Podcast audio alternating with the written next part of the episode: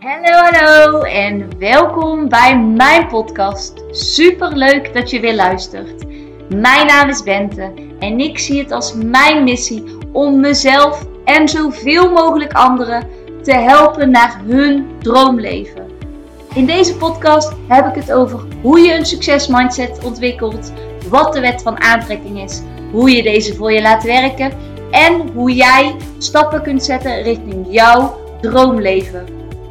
Laat jij mij jou inspireren en ga jij mee op reis van persoonlijke ontwikkeling? Let's go Dio! De inzichten die ik haalde uit de try-out avond van Kevin. Dat is één, mensen willen niet de verantwoordelijkheid nemen over hun leven. Kevin heeft dat een fantastisch mooi woord. En in plaats van eigenaarschap zijn er ook heel veel mensen die zitten in weigenaarschap. Die weigeren structureel om eigenaarschap over hun leven te pakken. Om verantwoordelijkheid te pakken voor hun leven. Dat de reden waarom zij staan op het punt dat zij staan is door alle acties die zij hebben ondernomen en de verantwoordelijkheid die zij weigeren te nemen. Want op het moment dat jij, dat jij de verantwoordelijkheid voor jouw leven bij externe factoren, bij andere mensen, bij andere dingen plaatst buiten jezelf, dan zul je ook je succes nooit kunnen toe-eigenen aan jezelf.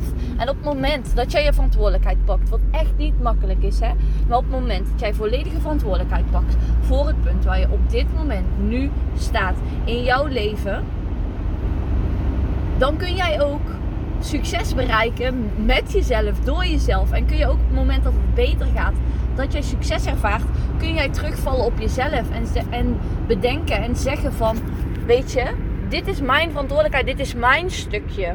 En wat we heel vaak doen, is op het moment dat het goed gaat, willen we heel graag het bij onszelf leggen. Dat is ook ons ego. En op het moment dat het minder gaat, is het altijd van ja, die baas, die baan, die vriendin, mijn partner. Ehm, het leven zit mij tegen, uh, al dat soort dingen. Wat overigens zo is, als je dat gelooft, gaat dat ook zeker zo zijn. Echt. Alles wat je diep van binnen gelooft, dat wordt de waarheid. Echt. En alles wat je elke dag herhaalt, dat wordt al zeker de waarheid. Um, dan twee. Ja, vond ik ook frappant. Dan zijn er. Nou, oké. Mensen komen bij Kevin, die willen iets van Kevin. Want Kevin die biedt een dienst aan en zij zijn daar nieuwsgierig naar. En los. En dan is het voor mensen zelf om in te gaan voelen: is iets wat bij me past, wel of niet. En Kevin werkt alleen overdag. Niet altijd zo gedaan, maar goed. Dat is ook gewoon goed voor zijn eigen mentale rust. En anders trekt hij het ook gewoon niet. Plus een privéleven is ook wel fijn.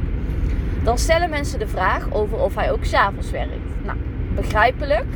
Toch wordt die vraag dan drie, vier keer opnieuw gesteld. En ook daarin merk ik dan in de vraagstelling dat eigenlijk de verantwoordelijkheid bij Kevin wordt gelegd. Ja, want ik kan ik met mijn werk. En dan denk ik, dit is toch de omgekeerde wereld?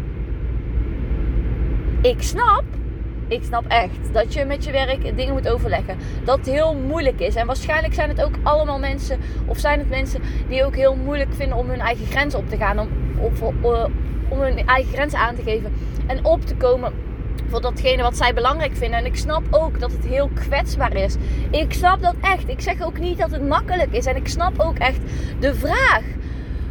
Maar om hem op een bepaalde toon te zetten en die verantwoordelijkheid bij Kevin te leggen, dat jij op dat moment niet kan terwijl jij de actie wil ondernemen, is voor mij echt. Dat is de omgekeerde wereld.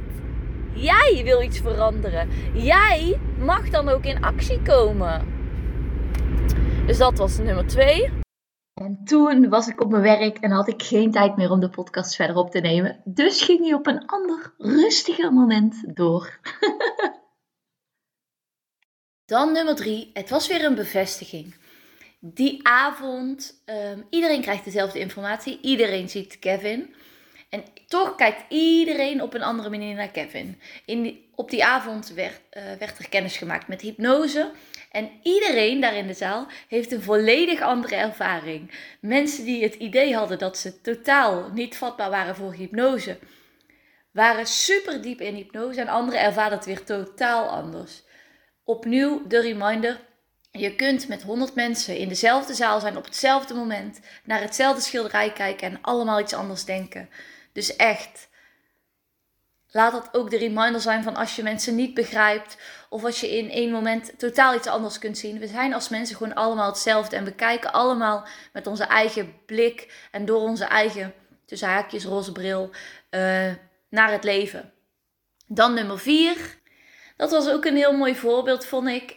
Um, het was een informatieavond over de virtuele magenband. Over het algemeen is dat vooral voor mensen die um, meerdere kilo's af willen vallen. Um, nu ging het daar natuurlijk ook over en een stukje overtuiging en wat dat met zich meebracht.